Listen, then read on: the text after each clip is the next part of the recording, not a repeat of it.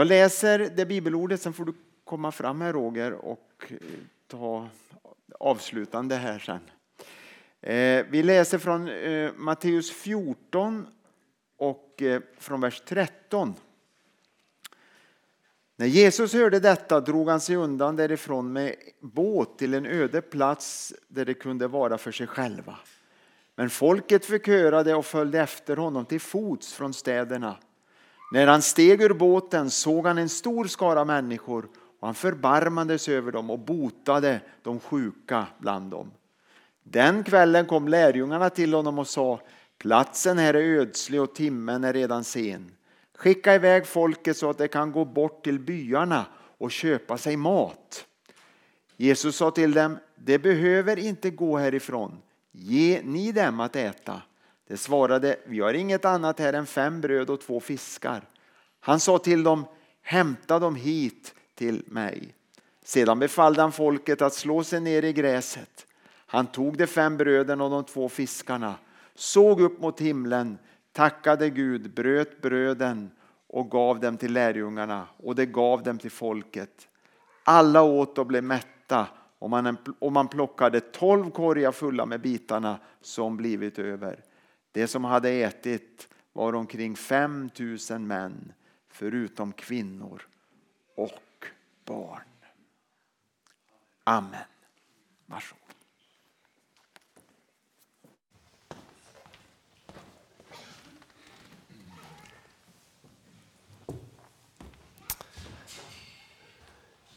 Jag glömde ju en sak, det gör man ofta, men det går att rätta till.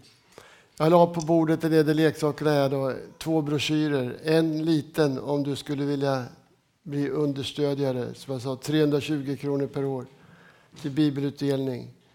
Vill du dessutom bli verksam, så du är med, med oss, då, då får du ta den större broschyren och läsa där. Då är det dubbla taxan eftersom vi får betala för att jobba. Så går det till i Guds rike. Det är fantastiskt. Den här texten som Kurt läste, det känner vi nog till allihop. Det är ju en söndagsskoltext, tror man. Man kan undra vad har den med församlingen att göra, verksamheten? Och jag tror jag kan svara allt.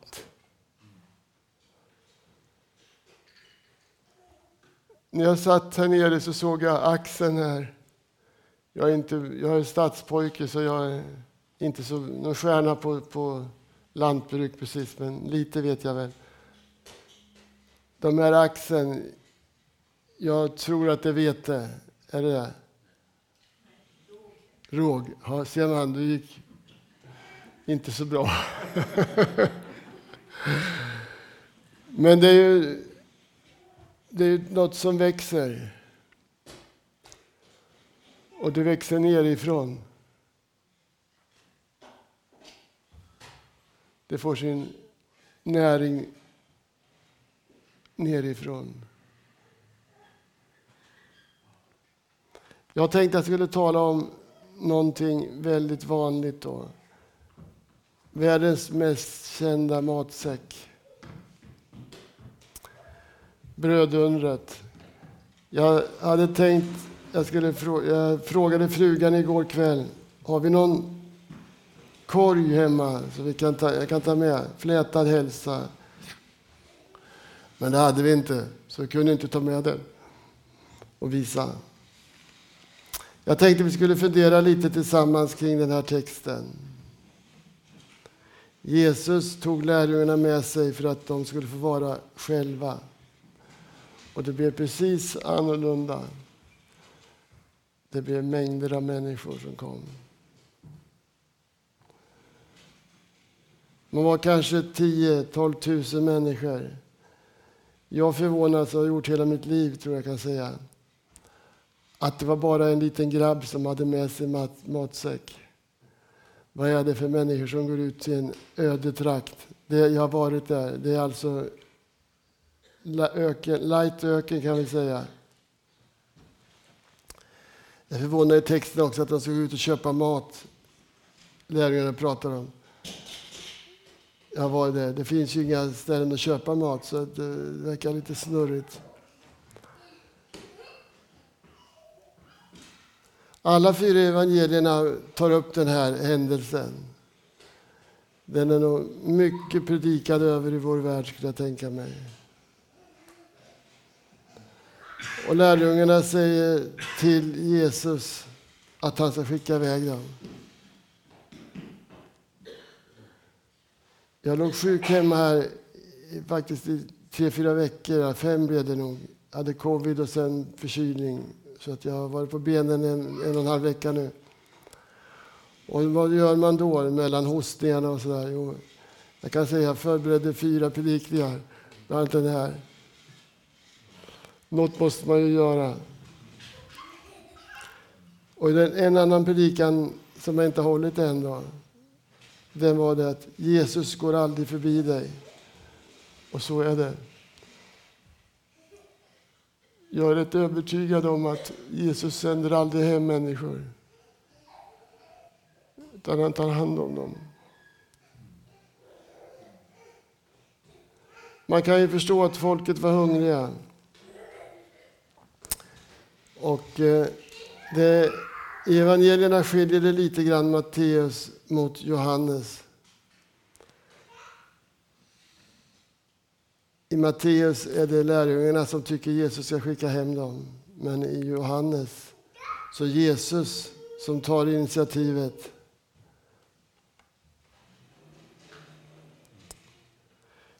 En man kom från trakten, en av lärjungarna, det var Filippos. Han kände ju till och han kommenterar att, att det var ingen bra lösning att skicka ut dem och köpa. Liksom. Och de kontrollerar, gör som vi, de analyserar och kalkylerar. Och de, tittar, de vet hur mycket pengar de har och konstaterar snabbt att det räcker inte så långt till så många människor. Och så vet ju Filippos att det finns ju ingenstans att handla heller. Så att det är dubbelt omöjligt. Den här pojken han, han, han är den enda i den där berättelsen som inte får något namn. Han är namnlös, vilket är märkligt. Jag ska strax komma till det. finns tre centra vad det gäller människor här. Den första är Jesus, den andra är lärjungarna och den tredje pojken. Och han ägnas minst uppmärksamhet. Och det borde kanske inte vara så, tycker jag.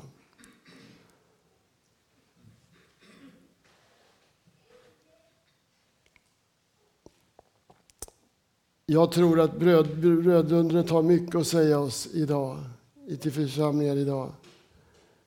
Jag tror att det är precis lika intressant text, lärorik text som det var när det hände. När jag läser Bibeln så gör jag någonting lite ovanligt. Jag har förstått att det är inte många som har kom, sagt till mig att jag gör likadant. Nej, det känns som att man är ganska ensam tror jag. Jag brukar tänka att det är jag som är Petrus. Han står inför en situation. Jag vet vad han gjorde, det läser jag i Bibeln. Och då tänker jag, vad gör jag då? Vad hade jag gjort? Och i den här händelsen så kanske jag nog hade gjort som lärjungarna, tror jag. Att jag tyckte det smartaste var ju att Jesus skickade hem dem. Men det tyckte inte Jesus.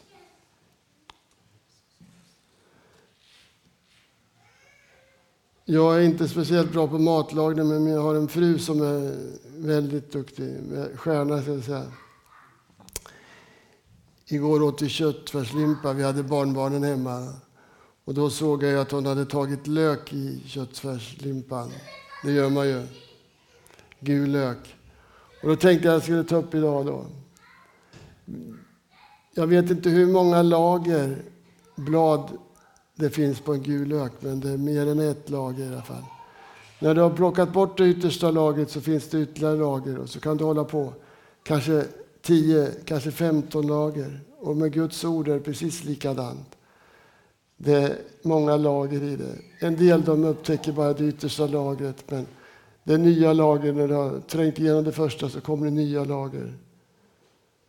Och jag tänkte första lagernivån, det är det vi har läst, att människor fick äta sig mätta. Jesus kunde på något sätt förmera bröden och fiskarna. Vi kan inte ta in det med förståndet och det behöver vi inte heller.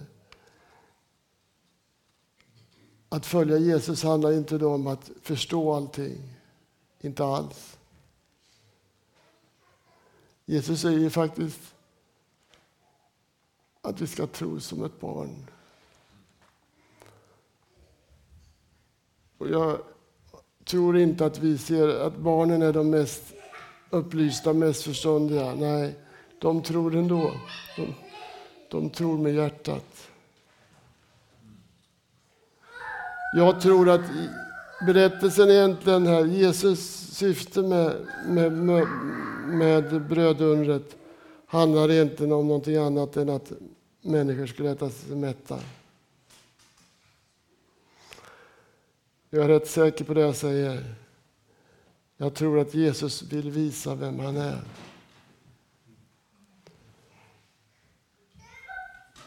Men på ett ovanligt sätt kanske vi kan säga. Vi läser ju att undervisningen ska åtföljas av under och tecken. Och det måste vi säga att brödundret är. Jag har läst att en del säger att brödundret är det största undret i Bibeln. Jag är ledsen, men jag tror inte det. Det största undret det är ju när människor tar emot Jesus i sitt hjärta. Och Lazarus uppstår från de döda, det är nog större än, än brödundret, men ändå. Jag har varit ute i världen en hel del då, och eh, jag var bland annat i Kenya. Och där kom det fram en pastor till mig och, och ställde en fråga som han trodde jag kunde svara på, men det kunde jag ju inte. Var går gränsen för vad Jesus kan göra? ställde han frågan. Och jag, direkt så sa jag det. Det finns ingen gräns. Gör det inte, sa han. Nej. Jo, det finns en gräns och den har du här uppe. Det är du själv som sätter gränsen. Jesus har ingen naturlig gräns. Det hade varit väldigt fascinerande att vara med den här dagen när brödet förmerades. Jag har funderat lite och spekulerat lite. Jag har kontrollerat eller tagit reda på amerikanska teologer. Jag har studerat online i USA. Då. Och vad hände egentligen den här dagen? Jesus han fick brödet och fiskarna. Vi kan sammanfatta det så här att man, man fångade upp det man hade och det var ju väldigt lite. Väldigt lite. Det var ju lagom för en ung kille. Och så stod det 12-15 000 och skulle dela på det. Ni förstår ju. Om man ska dela det i så många delar så kan man inte ens se smulorna. Men Jesus delade inte i så många delar, han delade i tolv. Jesus fick det de hade, han välsignade det och det var därför de gav det till Jesus, för han skulle välsigna det. Och så gav han tillbaks det till, till de som hade, till lärjungarna. Och så säger han de här orden som chockar lärjungarna. Att dela ut till folket. Och de står där och funderar. Fattar inte Jesus att det är omöjligt? Vad menar han? De förstår inte. Och jag tror de står nog stilla en bra stund där. Det jag säger nu har jag inget bibelstöd för, men jag tror att det var så. Jag tror att Petrus är den första som gör någonting.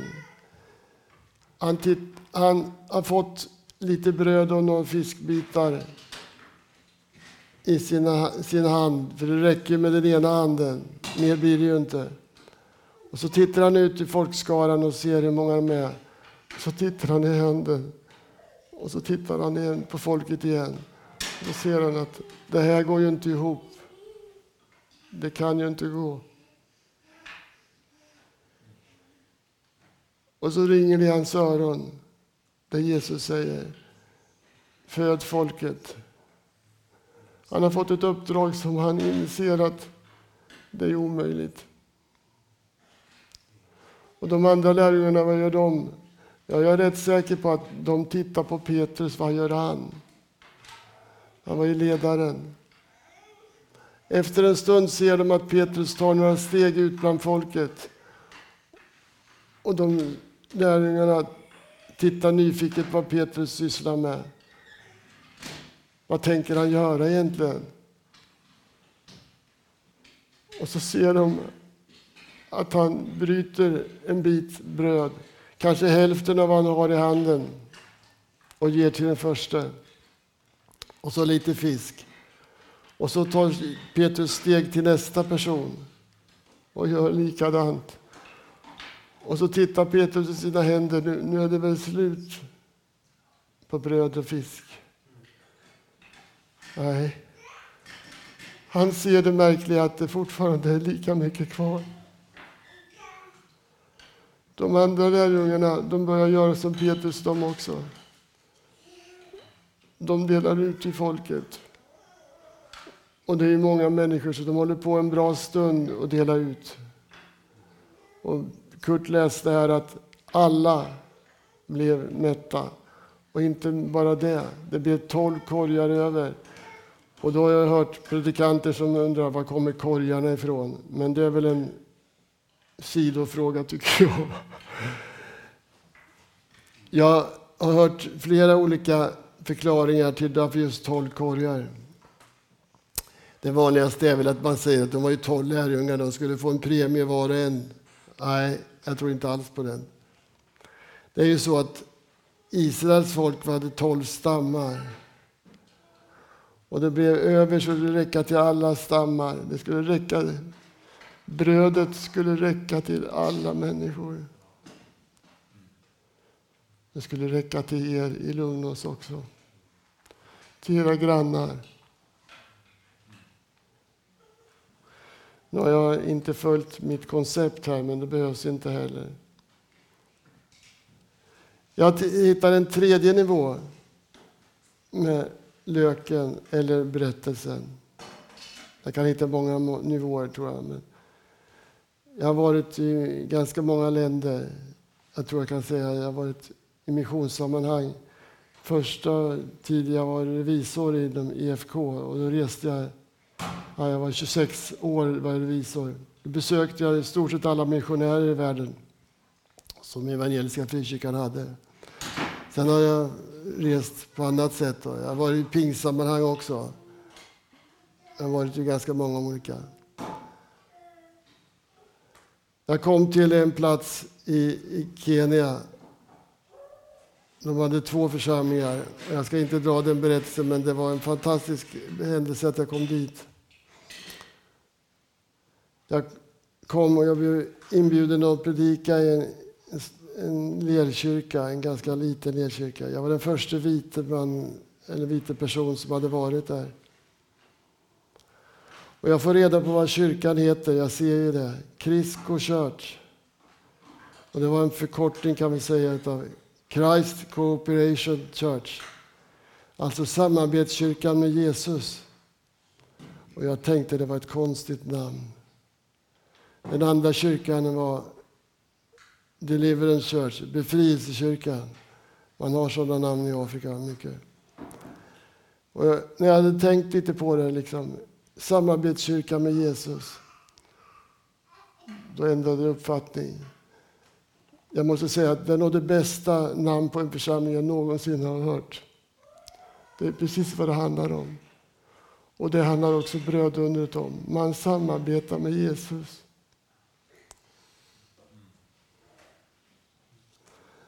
I den kyrkan så var jag på söndagsskolan först. 250 barn i åldern 4, 5 och till 12, 13 kanske. Lite svårt att säga. Det var många barn. Vi satt i skuggan och jag berättade om brödundret, minns jag. Det är tio år sedan. Och så när jag berättat det så tänkte jag att jag måste få fart på barnen på något sätt. Så jag sa det att nu, nu ska vi allihop utav er ska säga att ett under kan börja med mig. Och min, jag pratar ju engelska och min tolk pratar ju swahili. Då. Och min tolk säger till dem att skrik så högt ni kan så alla hör. Och så kommer pastorn gående och så skriker de då att ett under kan börja med mig. Och han, han kommer fram till mig, pastorn, och så, då skriker mun på varandra. Så, Vad skriker de för någonting? Så, ett under kan börja med dig, sa jag. Och pastorn. Och så förklarar jag. Det var ju faktiskt så du gjorde. Det, det är fakta. Det börjar med den lille pojken. Om inte han hade släppt ifrån sig brödet, allt han hade. Utav de här 12 000 så var det bara en enda person, den kanske mest, minst betydelsefulla. Han gav allt han hade. Och det räckte. Och jag tror att det är så. Att det handlar inte om mängden vi ger i första hand. Det handlar om till vem vi ger det. Om vi ger till Jesus och ber honom välsigna det vi har. Jag vet inte om jag vågar berätta en, en sanning, men jag, jag tar risken. Kurt får skämmas efteråt att ha sådana kompisar. Jag jobbade som ekonomichef på ett stort företag i Sverige, i Stockholm. Jag hade ganska bra betalt kan vi säga. Så här.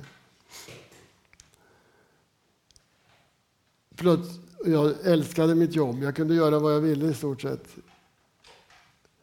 Så fick jag en ny chef, vice vd på företaget.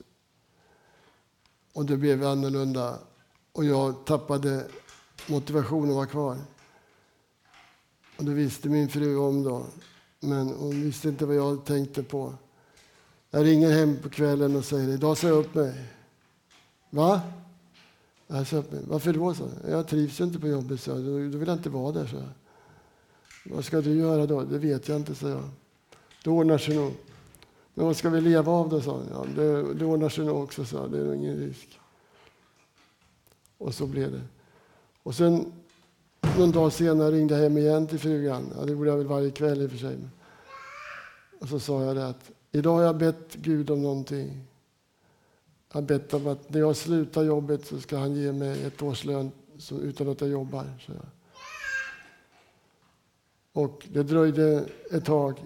Så kom vice vd in och sa det att vi har pratat om dig.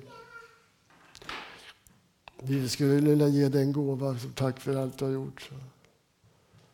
Ja, tack för det, så jag. Vad är det då?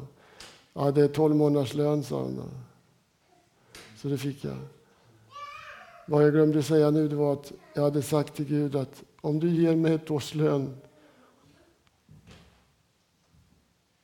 så ska jag använda det för ditt rike. Så här. Du ska få tillbaka allting.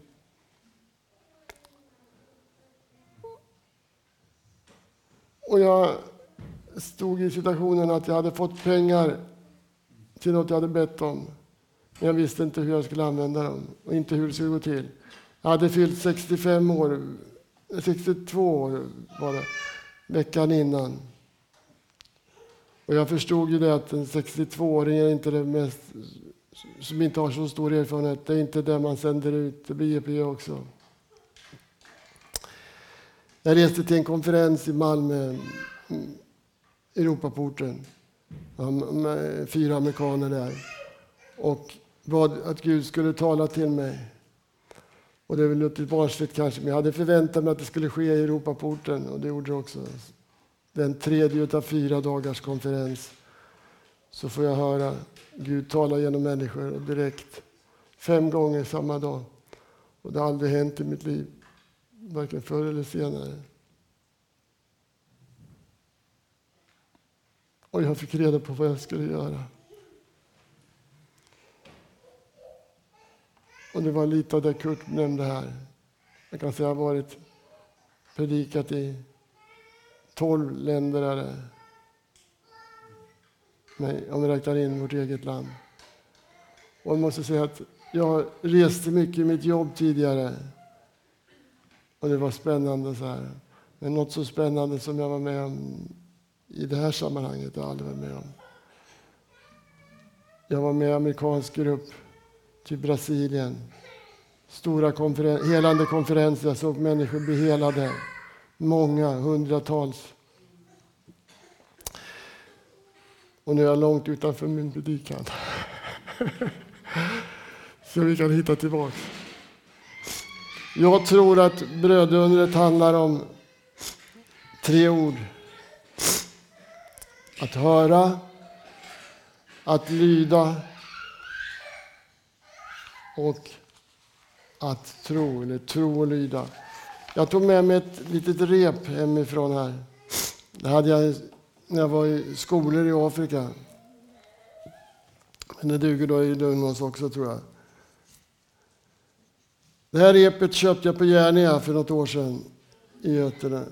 Och jag tog reda på, killen var väl kanske lite irriterad på mig att jag skulle veta allt om en repstump på en meter.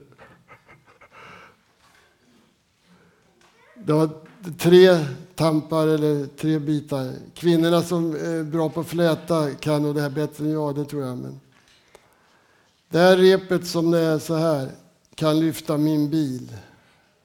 Så starkt är det. Och då kan man tro att varje sån här liten tamp är en tredjedel av totalen. Nej, nej, så är det inte. Det beror också på, inte bara att det är tre, utan att hur de är inblandade med varann, hur de är flätade. Jag fick höra då att det var drygt, kanske tolv gånger starkare repet än en av de här. Alltså, så när man flätar ihop de här så blir det alltså fyra gånger starkare per enhet. Och jag sa, hur går det till? Och det kunde de inte riktigt förklara. Och jag tänker mig så här att vi kan läsa i Bibeln om Guds löften. Det är många löften. Och jag berättar för Kurt hur många det var. 7874. Det är amerikaner som har räknat fram det. Och det blir ett löfte, nytt löfte varje dag i 21 år. Och när man har avverkat alla löften då kan man börja om igen. Men jag tror vi har att göra innan vi kan testa så många löften. Det första är att vi, vi, vi tar reda på Guds löfte. Vi ber den helige Ande att visa oss vad det handlar om. Men det räcker ju inte. Vår lilla e-, egen insats för att kunna åstadkomma någonting, det är det sista. Vi måste lägga vår tro till de andra repen. Och när vi när vår tro blandas in i de andra delarna så det blir en enhet. Alltså löftet, vår tro och den heliga Andes säga, undervisning. Då är repet färdigt. Då kan det fungera. Vad hade hänt om lärjungarna inte hade delat ut? Ja, jag är rätt säker på det. Inte ett dugg. Och jag funderar på, jag kan säga jag forskade rätt rejält. Jag terroriserade lärare jag hade i USA med svaret. Men jag vill veta hur det var. När hände undret egentligen? När förmerades bröd och fiskarna? Och alla vill inte ge inte samma svar riktigt, men, men det vanligaste svaret, och det tror jag på. Det förmeras naturligtvis när Jesus ber egentligen, men man kunde inte se det förrän lärjungarna i tro delade ut. Så brödet förmerades i lärjungarnas händer. Och så är det. Det finns många berättelser om detta i andra sammanhang. Jag är rätt säker på det. Så är det för, i Lugnås också, i Pingstkyrkan i Lugnås. Det hjälper inte hur mycket vi talar om det, men när vi, när vi tror praktiserar det, då händer det. På svenska, det är ju ett fattigt språk sägs det. Engelskan har många fler ord än svenskan. Men vi kan glädja oss åt att norskan har färre ord än svenskan, så det blir bättre än norrmän i alla fall. Och det är ju tur det, på något område. Svenskan har ordet tro, men engelskan har två ord. Believe och faith.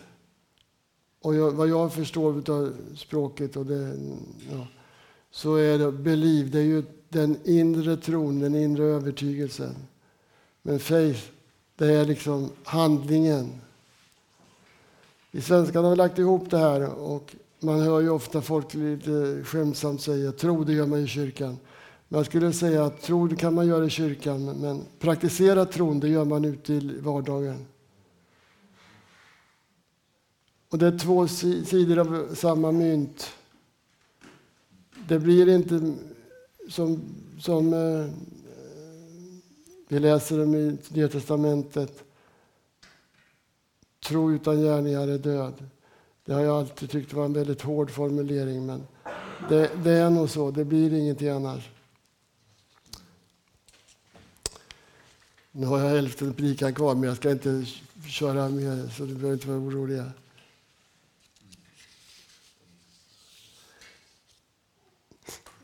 När jag åkte till Brasilien med amerikaner jag åkte med 40 stycken amerikaner. Jag hade inte träffat någon förut, så jag kände ingen. Och jag konstaterade snabbt att jag var den enda som inte hade engelska som modersmål, men det gick nog bra ändå. Så fick jag ett mejl tre dagar innan jag skulle resa ensam från, från Europa. Då. Och det är nog... Förlåt. Det är nog det mest fantastiska mejl jag fått i mitt liv. En man som jag aldrig hade träffat. Vi hade fått vår lista på vilka vi skulle vara som skulle jobba ihop.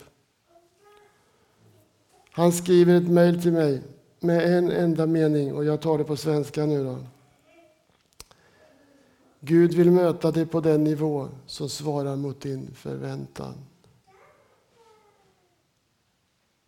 Och när jag träffade mannen sen så frågade jag varför skickar du till mig?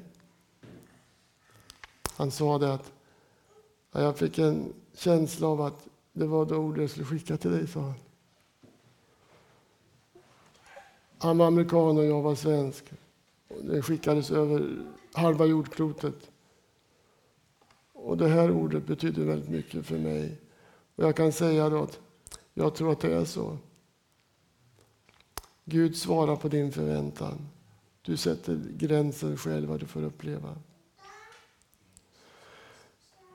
Jag ska till sist bara säga att jag, innan jag blev antagen och var med amerikanerna så ville de veta vem man var naturligtvis. Jag fick skriva min förväntan, så jag skickade till USA. Då.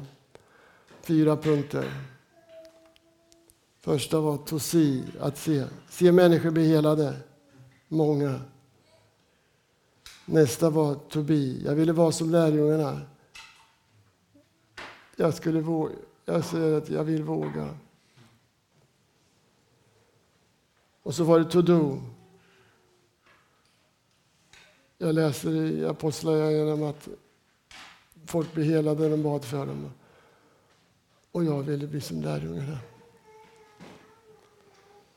Och så var det en punkt till som jag inte kommer ihåg när jag står här just nu. Då, men när mannen skrev det här då, så kan jag säga första dagen i Brasilien så infriades alla mina fyra punkter. Första samlingen. Och då sa jag till den amerikanske ledaren att jag skulle nog tagit i mer.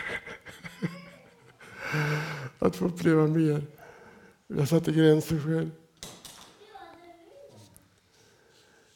En sång som betyder mycket för mig. Jag hörde det var Pingstkyrkan norröver någonstans. Örnsköldsvik tror jag det var. Jag spelade in en sång. Det blev ingen storsäljare men den förändrade mitt liv kan man säga. Lägg ner en vision i mitt liv, heter sången. En fantastisk sång. Den tog jag upp för, många, för 15 år sedan i församlingen hemma. Då. Och försökte plantera drömmar. Men det, det slog inte an riktigt. Vi var inte i samma våglängd.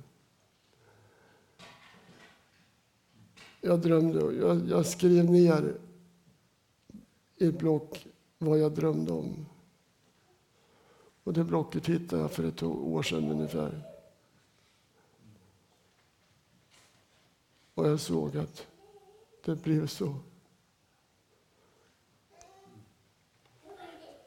Och om du drömmer om en förändring i ditt liv, eller att förtjäna Guds ännu starkare och större, gör som jag. Be att han talar till dig. Jag kan berätta lite skamset. Den första var en svensk på den här konferensen i Malmö. Han kom fram till mig och sa, jag har en hälsning till dig, sa han. Vi hade namnskyltar. Så. Alltså. Jag sa, från vem då, sa jag, för jag tänkte, det är ingen som vet att jag är här. Då sa han, från Herren, sa han, och då skämdes jag ju. Och sen efter första passet på konferensen så kom en av de fyra amerikanska talarna fram till mig. Och då tänkte jag, vad vill han? Och då delade han en sak med mig på engelska. Då. Och det var exakt samma sak som svensken hade sagt två timmar tidigare. Fast nu var det ett annat språk. Jag kan säga det är en viss fara i att be Gud tala till dig.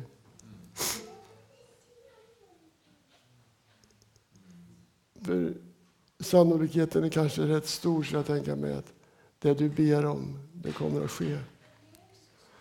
Då ska jag sluta nu i alla fall. Och jag har hälften av predikan kvar kanske. Men den får ni inte höra nu.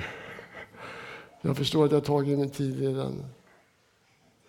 Men kom ihåg det jag sa till den afrikanske pastorn. Att Gud har inga gränser. Det, gränserna finns hos oss. En grej till. När jag var ung, jag var ju det också. 1970 så jag pluggade i Stockholm, men en termin var jag hemma i min hemstad Nyköping. Och då blev det väckelse i stan. Det var inte, frikyrkligheten är betydligt lägre där än här. Om man jämför med Götene så var det väl ungefär lika många kristna i församlingarna. Men Nyköping var tio gånger större. Då förstår ni att det var inte så bra ställt. Under en period på åtta månader så kom det 160 människor till tro. I stort sett inga församlingsmedlemmars barn, utan utifrån nästan allihop. Många var ju jättejobbiga att ta hand om. Och frikyrkofolket ökade med 20 procent under åtta månader. Och det, när jag var med om det då, jag kan säga att min, när jag gick till kyrkan, när de samlingar som var, min tanke rörde sig om, undrar vem som blir frälst ikväll. Så tänkte jag varenda gång. Under åtta månader så blev det någon frälst i varje samling. Till och med på bönesamlingen. Man undrar ju vad de som inte var frälsta gick dit bönesamlingen och blev frälsta där. Det var kanske tio stycken som blev frälsta på bönesamlingen. Kom utifrån och ramlade in och i stort sett inte visste vad de var, tror jag. Så kan det vara.